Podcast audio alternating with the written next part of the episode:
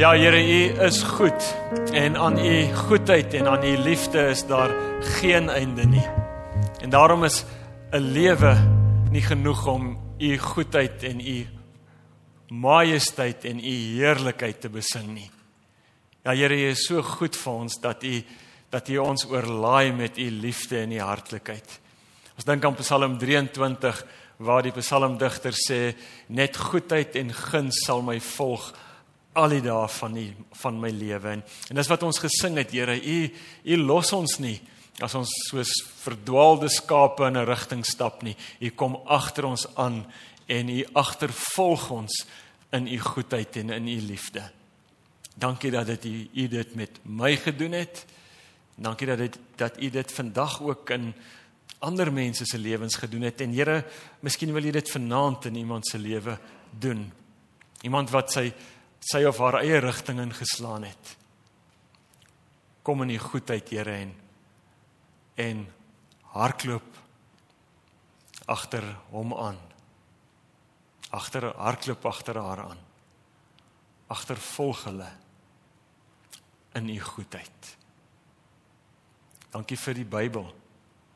Dankie dat ons daaruit kan lees nou en dat ons kan hoor wat op u hart is praat asseblief deur die Gees in Jesus se naam. Amen. Ons lees 'n baie mooi storie, 'n verhaal uit 2 Konings die 5de hoofstuk en ons gaan vanaf vers 1 tot by vers 15 lees. Die eerste 15 uh, verse van uh, 2 Konings 5 vers 1 tot 15. En dis die storie van Naaman en van uh, Elisa en daar's nog 'n paar karakters waarvan jy daar sal lees.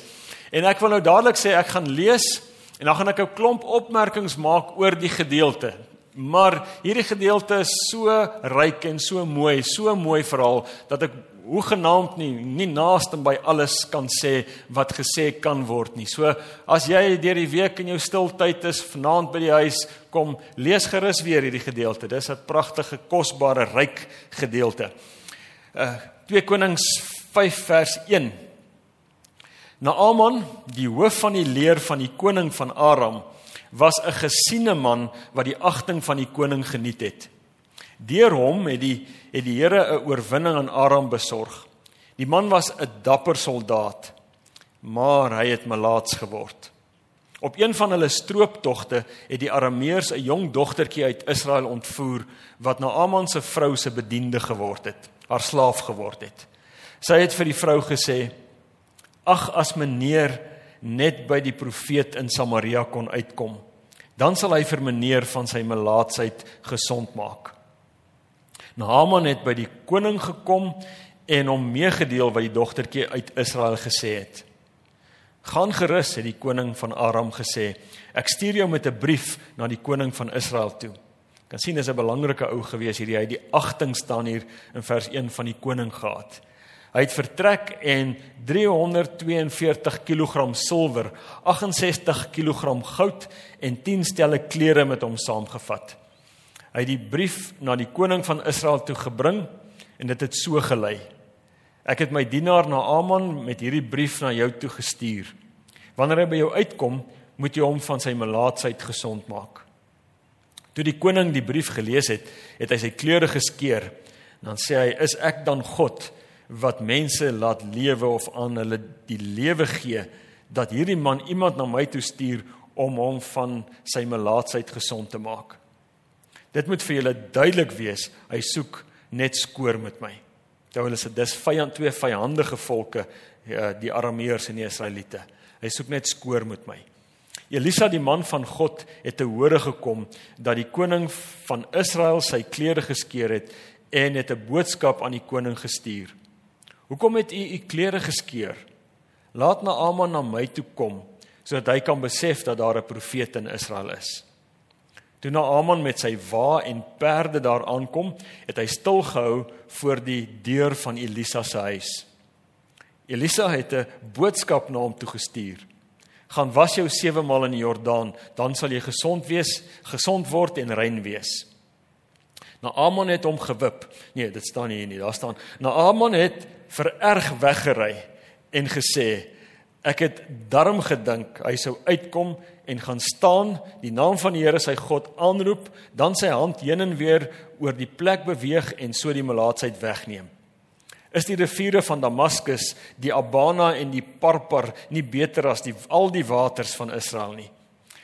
Kan ek my nie daarin was om rein te word nie? So het hy woedend daarvandaan weggery. Sy amptenare het by hom gekom en mooi met hom gepraat. Meneer, as die profeet iets moeiliks van u verwag het, sou hy dit nie gedoen het nie. Hoeveel te meer nou dat hy 'n eenvou, eenvoudig vir u gesê het, was jou en jy sal rein wees. Hy het toe afgegaan na die Jordaan toe en hom 7 keer daarin gebad, soos die man van God gesê het. En sy vel het gesond geword, soos die van 'n klein seentjie en hy was weer rein. Hy en sy hele gevolg het teruggegaan na die man van God toe. Dis nou na Elisa toe. En daar aangekom het Naaman voor die man van God gaan staan en gesê: Ek weet nou daar is geen God op die hele aarde nie behalwe in Israel. Aanvaar asseblief hierdie geskenk van my. Eerste opmerking, as jy hierdie gedeelte lees, sal jy agterkom hierdie skrywer maak baie moeite, hy doen baie moeite daarmee dat ek en jy sal verstaan dat hierdie Naaman van wie hy hier skryf, dat dit 'n belangrike man is.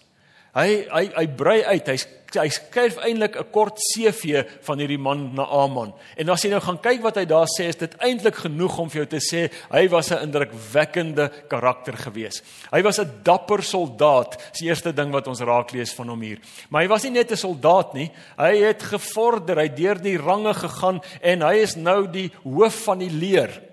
Uh, as jy as jy sien dat hy die hoof van die leer van die koning is, dan lees ek dan sê die kommentare daaroor, hy was waarskynlik 'n tipe van 'n minister van verdediging gewees. So 'n uiters belangrike man. En dan die kersie op die koek van sy CV en van sy belangrikheid is die woorde hy het die agting van die koning geniet ander manier om dit te sê, as hy 'n versoek gehad het vir die koning en die koning geluister. As hy as hy iets vir die koning wou sê, het hy 'n oop kanaal gehad, hy het 'n oop deur gehad. Die koning het hom hoog geag. En dan behalwe dit alles was hy ook 'n skatryk man gewees. Ek gaan net nou 'n bietjie terugkom daarna toe om net te verduidelik hoe ryk hierdie ou regtig was. So 'n belangrike man, 'n 'n groot in die regering, skatryk. En dan staan daar 'n uiters betekenisvolle woordjie in hierdie teks. En dis die woordjie maar. Hy was alles, hy het alles gehad. Hy was die hy was 'n man van aansien. Maar hy het melaats geword. En skielik het alles verander skielik vervaag al hierdie prestasies, al hierdie al hierdie posisies, al hierdie besittings vervaag. En dit geen betekenis meer nie. Want hy het melaats geword.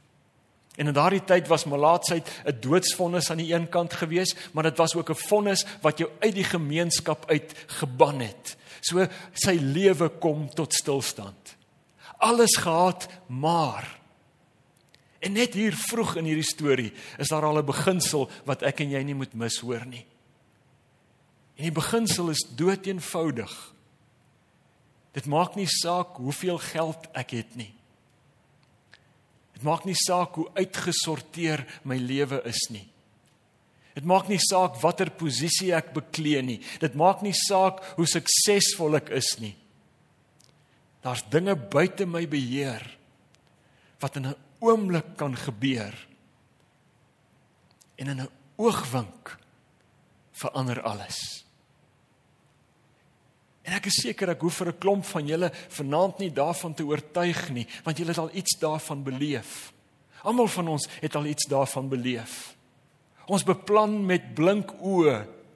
Ek het dit die afgelope tyd het ek gewel baie mense begrawe wat aan COVID oorlede is. Ek dan luister ek na hulle stories. Hulle het met blink oë beplan om te gaan aftree eers. En dan dan kom dit. Skielik iets buite jou beheer. En niks lyk meer soos wat dit gelyk het nie. Hierdie beginsel moet ons moet ons hoor vanaand. As dinge wat met ons en met ons geliefdes kan gebeur in 'n oogwink. Ek het in my eie huis dit beleef vir jare wat terug te my toe ek en my vrou met blink oë beplan waar ons gaan aftree en waar ons wat gaan doen. Nou my aftrede is nog baie ver, maar waar wat ons gaan doen en toe voeter sy by 'n kraans af en breek haar rug. En skielik geword ek gekonfronteer om te besef die lewe is broos. Dinge kan skielik gebeur en dan's niks meer dieselfde nie. Dan maak al die goeders wat ons bymekaar gemaak het en al die goed wat ons bereik het nie meer saak nie. So wat ek hieruit hoor is koop die tyd uit. Wees lief vir mekaar. Wees naby mekaar. Stefan vanoggend ook gesê, moenie een dag mors nie. Dit kan nie bekostig om een dag te mors nie. Ons weet nie of dit die laaste dag sal wees nie. Hierdie gedagte of hierdie belewenis het Naaman so geïmpakteer, hierdie skielike verandering in sy lewe, dat ons in hierdie teks sien, as jy dit mooi gaan lees, sien jy dat hy desperaat raak. Hy's so desperaat dat hy luister na 'n slawe meisietjie se advies.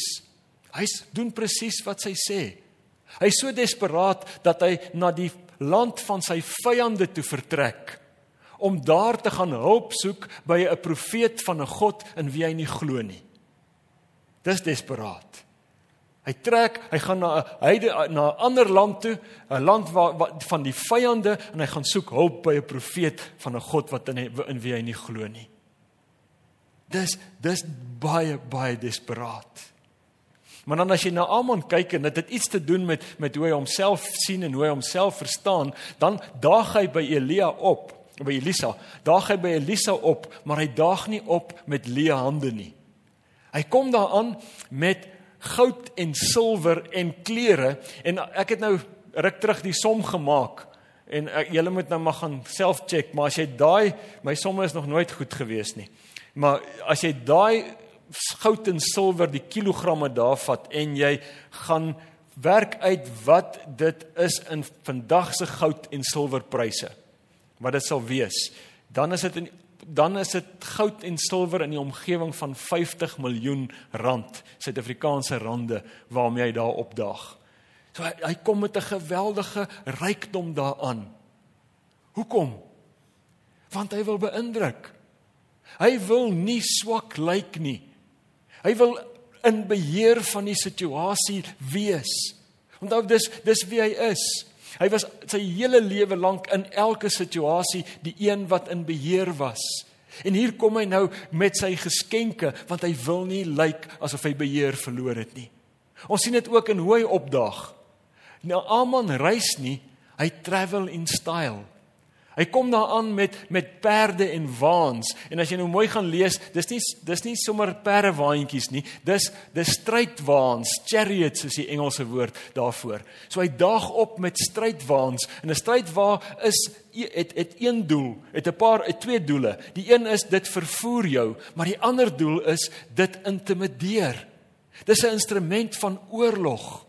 As die strydwaans aankom na 'n stad toe, dan hoor jy hulle van baie ver af. En as die strydwaans aankom en in 'n stad injaag, dan skatter die honde en die kinders kruip onder die kooi weg, onder die bed weg. En weet jy wat doen die groot mense nie? Maar die die die, die manier hoe hy opdaag is om te intimideer. Dis om te wys wie hy is. Hy het nie beheer verloor nie. Hy siek. En hy soek desperaat na genesing, maar op sy voorwaardes en op sy manier. En dis dis hoe ons Naaman in hierdie leer in in hierdie gedeelte leer ken. Hy hy wil in beheer bly. Hy wil nie swak voorkom nie. Hy wil nie broos wees nie.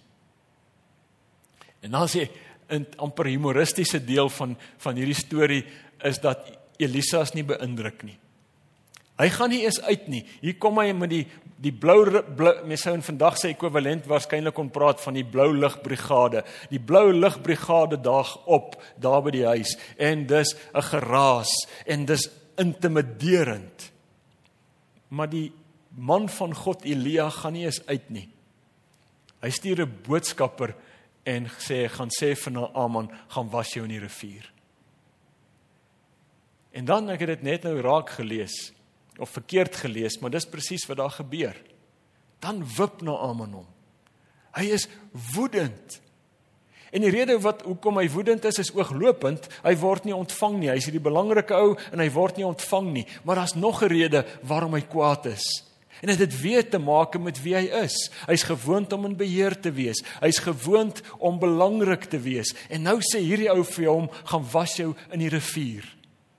Ons sien iets daarvan in sy volgelinge se woorde wanneer hulle vir hom sê toe hy nou daar gewip en woedend wegry en sê sy volgelinge vir hom as as hierdie profeet van jou van u van u meneer iets moeiliks gevra het, iets groots gevra het, dan sou jy dit gedoen het.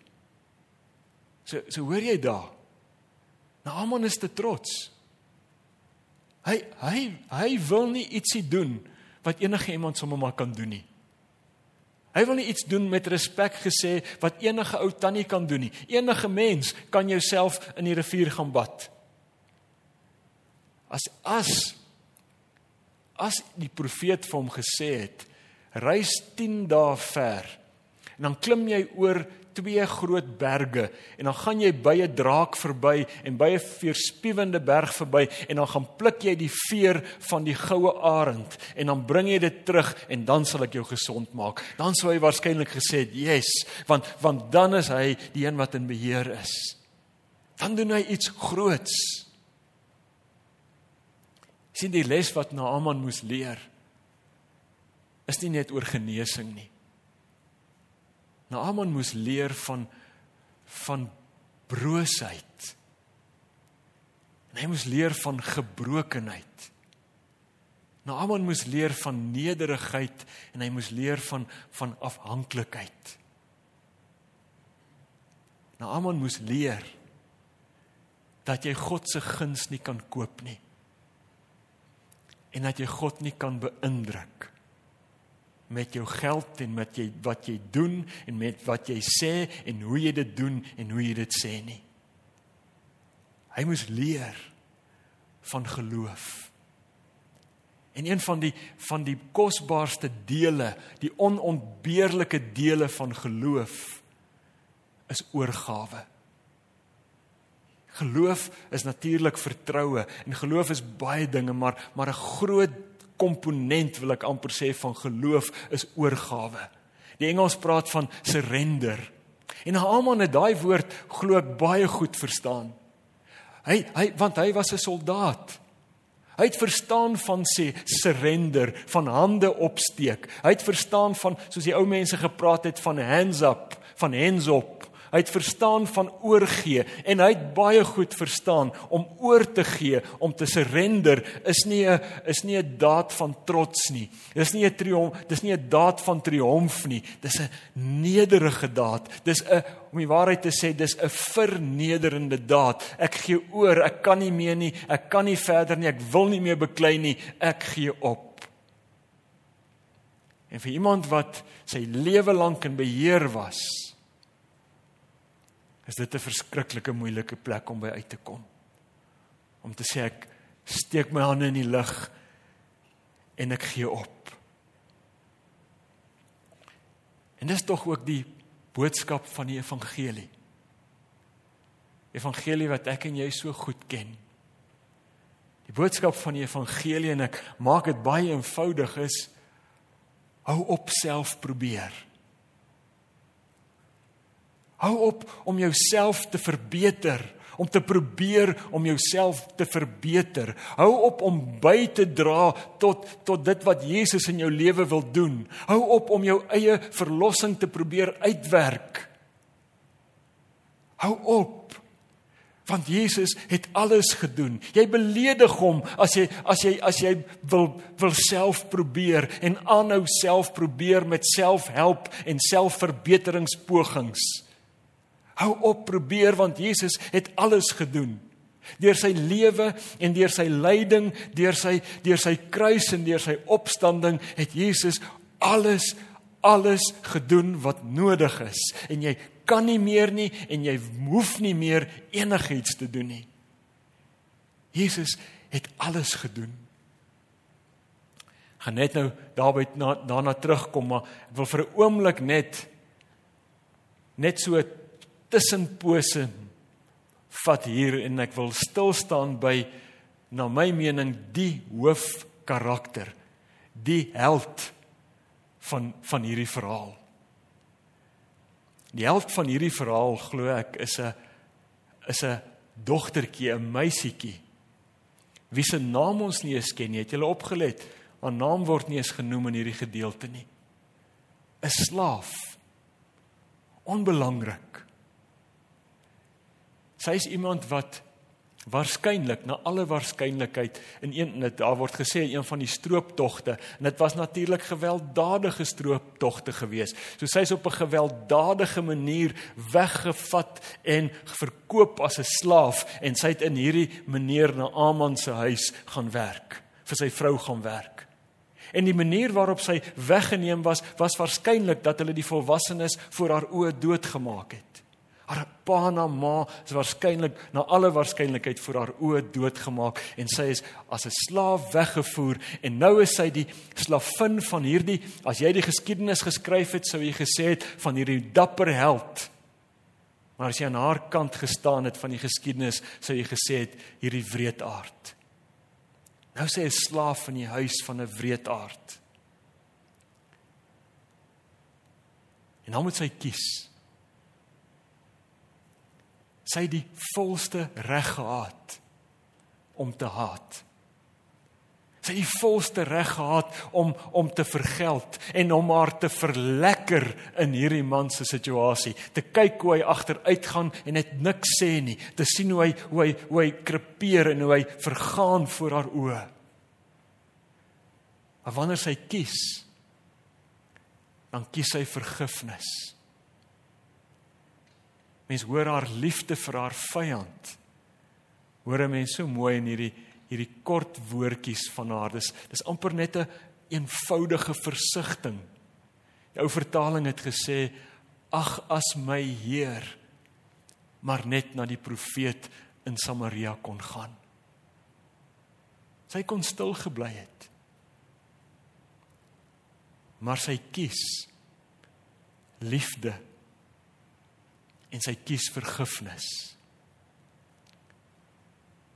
En dan verander 'n magtige man se lewe. Sy kies vergifnis en Naaman erken dat God die enigste God is. Ons lees dit so mooi in vers 15. Ek weet nou daar is geen God op die hele aarde nie behalwe in Israel.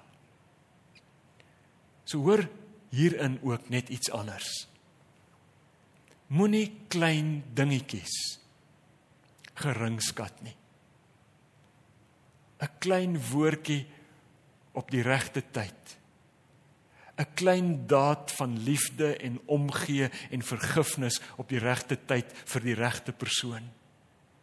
In my oë en jou oë voel dit dalk soos niks voel soos niks om iemand op die skouer te klop en te sê ek is hier vir jou nie. Kos niks om te sê ag as my Heer maar net by die man kon uitkom. Daai kie 'n woordjie wat in my en jou oë klein is. In die hande van God verander dit die lewe in hierdie geval van 'n magtige man of van 'n seer mens of van 'n een eensame mens of van 'n mens wat opgegee het Moenie jou klein daadjie en jou klein woordjies met die en die krag van die Heilige Gees daarmee saam ooit onderskat nie. En nou 3000 jaar later praat ons vanaand nog steeds oor hierdie slawe dogter wat nie eens 'n naam het nie. Hoekom? Ek dink dit het te maak daarmee en ek het dit by Tim Keller geleer. Dit het te maak daarmee dat sy ons herinner aan iemand anders. Sy was 'n lydende knegg gewees. 'n Lydende knegg wat deur haar vergifnis vir iemand anders redding gebring het. En dan sê Tim Keller so mooi, hy sê say she points us to the ultimate suffering servant. En ons weet wie dit is, Jesus. Jesus wat ook sy Vader verloor het. My God, my God, waarom het U my verlaat? Jesus wat na ons aarde toe gekom het op wie ons gespoeg het wie ons geslaan het die een wat wat ons verwerp het en ten spyte daarvan sterf hy vir ons sterf hy in ons plek aan die kruis. Ten spyte daarvan hoor ons hom bid aan die kruis Vader vergeef hulle want hulle weet nie wat hulle doen nie. Jesus die ultimate suffering servant sterf in my plek en hy sterf in jou plek sodat ons regtig kan ophou self probeer. Sodat ons sodat ons kan oorgee. Sodat ons ons hande in die lug kan steek en sê i surrender ek gee oor En al en of dit nou by 'n plek is waar dit goed gaan in jou lewe en of dit by 'n plek is soos wat ek in die begin gesê het waar die lewe gebeur het en die mat onder jou uitgeruk is en in alles in 'n oogwind verander het omdat Jesus gesterf het en opgestaan het en lewe daarom kan ek my hande opsteek en ek kan oorgee. Ek gee op ek gee oor. I surrender Maar daar's nog 'n rede waarom ons ons hande in die lug steek. Ek weet nie jy het dit seker al gesien ja, jy het al klein kindertjies doen dit. Hulle kom staan voor jou en kyk hulle so op met hulle mooi blink oogies. Dan sê hulle tel my op asseblief pappa. Tel my op mamma. Ek onthou 'n hele paar jaar terug toe Menlyn net gerevamp is. Het hulle mos julle sal party van julle sal onthou het hulle mos daai brug gebou, loopvlakke gebou wat so glas, sulke glaspanele gehad het. Nou ouens wat hoogtevrees gehad het of het, loop nie maklik daaroor nie. En ek het saam met my dogtertjie daaroor gestap.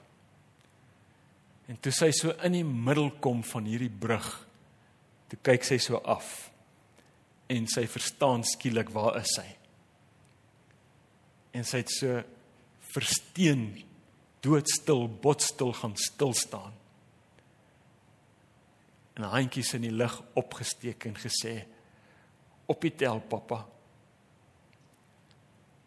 Tel my op pappa. En ek het haar opgetel en ons het oorgestap. Dis waar ons moet wees hierdie jaar. Dis waar ons moet wees in hierdie jaar. Want ons weet nie wat gaan gebeur nie. Maar ons weet wie ons Vader. En ons weet ons kan ons hande na hom uitsteek en dis sy uitnodiging vir ons vanaand. Gee oor. Hou op probeer, gee oor. Gee oor en erken, Vader, ek kan nie. Ek is nie ek is nie goed met hierdie lewe leef ding nie. Ek sukkel baie keer met die lewe. Ek is klein, ek is swak. Ja, Here, ek is moeg. Maar ek gee oor. Here Jesus, kom leer my hoe om te lewe. Nee, nog beter, kom lewe u lewe deur my. Ek is klaar geprobeer. Ek gee oor. Ek gee oor. Ek wil vra dat jy nou 'n oë sal toemaak, jou kop sal buig. En net daar waar jy sit, dink net na oor jou lewe, oor die plek waar jy nou is. Oor dit wat die afgelope jaar in jou lewe gebeur het. Dit hoe jy dink oor die jaar wat voorlê. En dan as jy as jy by 'n plek is in jou lewe waar jy genoeg probeer het. Wil jy nie vir 'n oomblik net soos wat 'n mens wat hands op. So 'n mens wat surrender oorgee. Net ter wille van jouself, ons almal se hoë so toes. Ter wille van jouself, steek net jou hande op en sê Here, ek gee oor.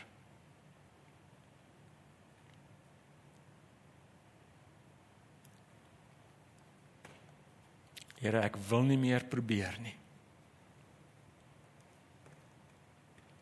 Here Jesus, kom leer my hoe om te lewe. Heilige Gees, kom stel my in staat om te lewe. Ek sit my ek gee my trots vir U vanaand. Ek gee my selfstandigheid vir U vanaand. Kom gee my lewe weer vir U vanaand. Here Jesus, dankie dat U vir my kom wys het hoe om te lewe.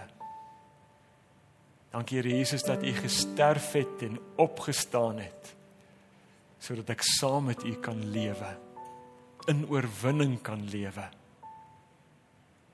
Met my hande in U hande kan leef, dat ek in U arms kan leef, Vader, want U het my opgetel.